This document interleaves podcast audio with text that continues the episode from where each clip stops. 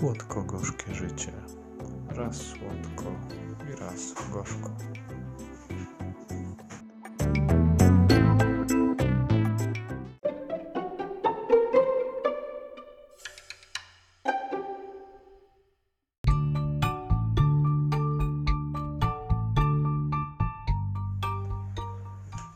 Witam Państwa bardzo serdecznie. E, Tutaj e, taka nowa seria w sumie wymyślona na poczekaniu.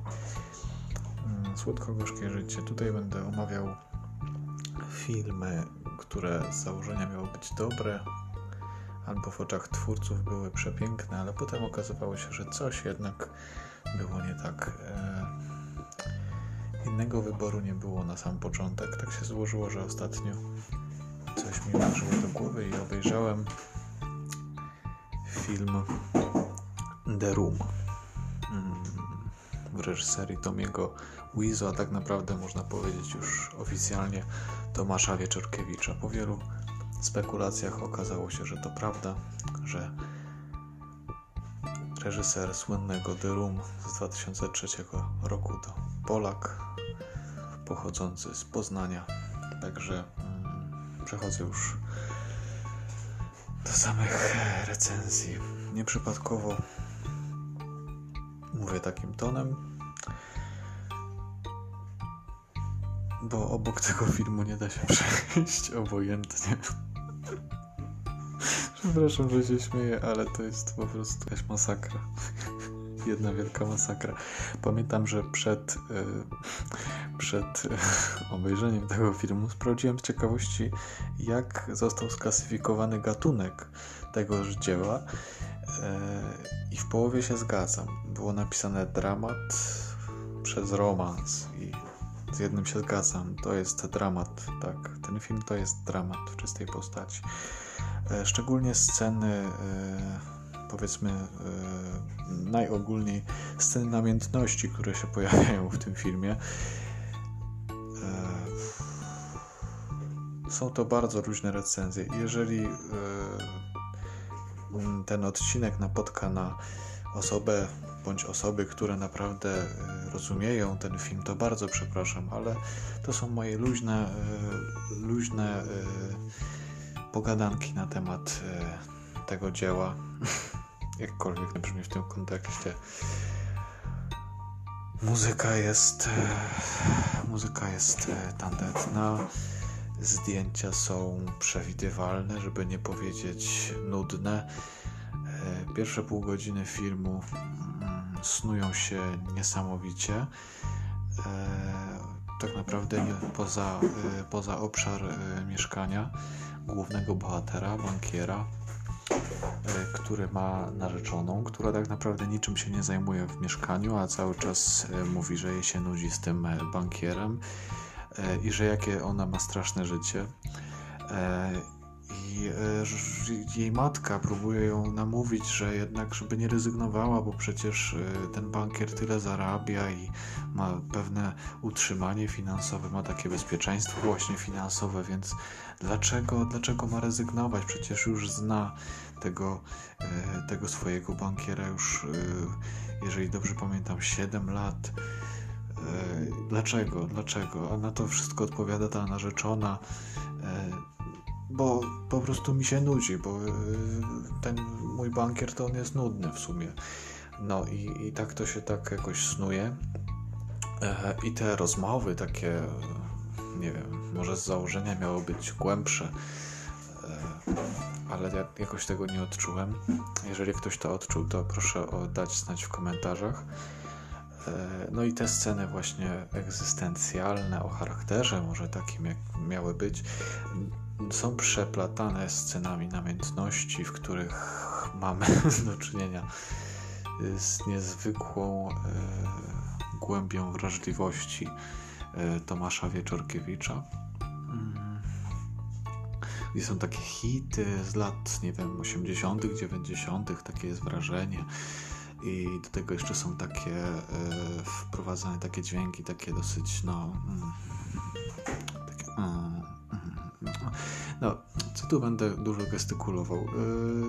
Yy, roi się, po prostu kipi się od tej, tej namiętności. Tak naprawdę 50 twarzy Greya to przy tym pikuś mógłbym powiedzieć i, i w sumie yy, jak teraz to tak sobie bardziej rozkładam na czynniki pierwsze, to to się nie mylę. No, yy, myślę, że Grey mógłby się dużo od tego uczyć albo i nawzajem tak mogliby się uzupełniać. Trochę dziwne, że Wieczorkiewicz jeszcze nie robił takiego filmu stricte pod ten e, gatunek grejowski. Mm. Cóż, e, no i ten film jest oparty na zdradzie. Dochodzi do zdrady. E, poczciwy bankier, który jest wzorowym narzeczonym, mm, który dba o dom, o swoją narzeczoną, o to, żeby jej dawać kwiaty, o to, żeby napić się z nią wina. Przepraszam. o to, żeby grać ze znajomymi w baseball w garniturach, nie wiadomo czemu. I w tym poukładanym życiu tego bankiera dochodzi do, do zdrady. Jego narzeczona zdradza go z jego najlepszym przyjacielem, i to jest taki, taki szok dla niego, bardzo, bardzo ogromny. On w takim momencie kulminacyjnym tego arcydzieła e, rozwala wszystko, co popadnie w swoim e, mieszkaniu, w swoim domu właściwie. I cóż, e, no tak mu się sypie to całe życie. Nie chcę długo mówić o tym filmie, bo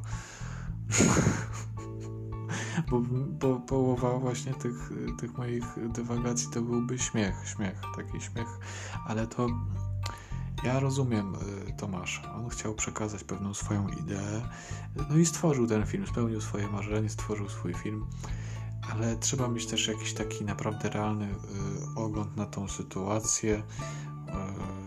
Y, jeżeli dobrze pamiętam, Tomasz chciał, by ten film startował na Oscara. No to, to już jest chyba lekkie przegięcie. Jeszcze wspomnę tylko, zdaję sobie sprawę, że to jest dosyć chaotyczna taka moja myśl zawarta w tym programie, ale, ale chyba inaczej nie da się mówić o tym filmie. E, ostatnia scena tego filmu to jest samobójstwo tego bankiera.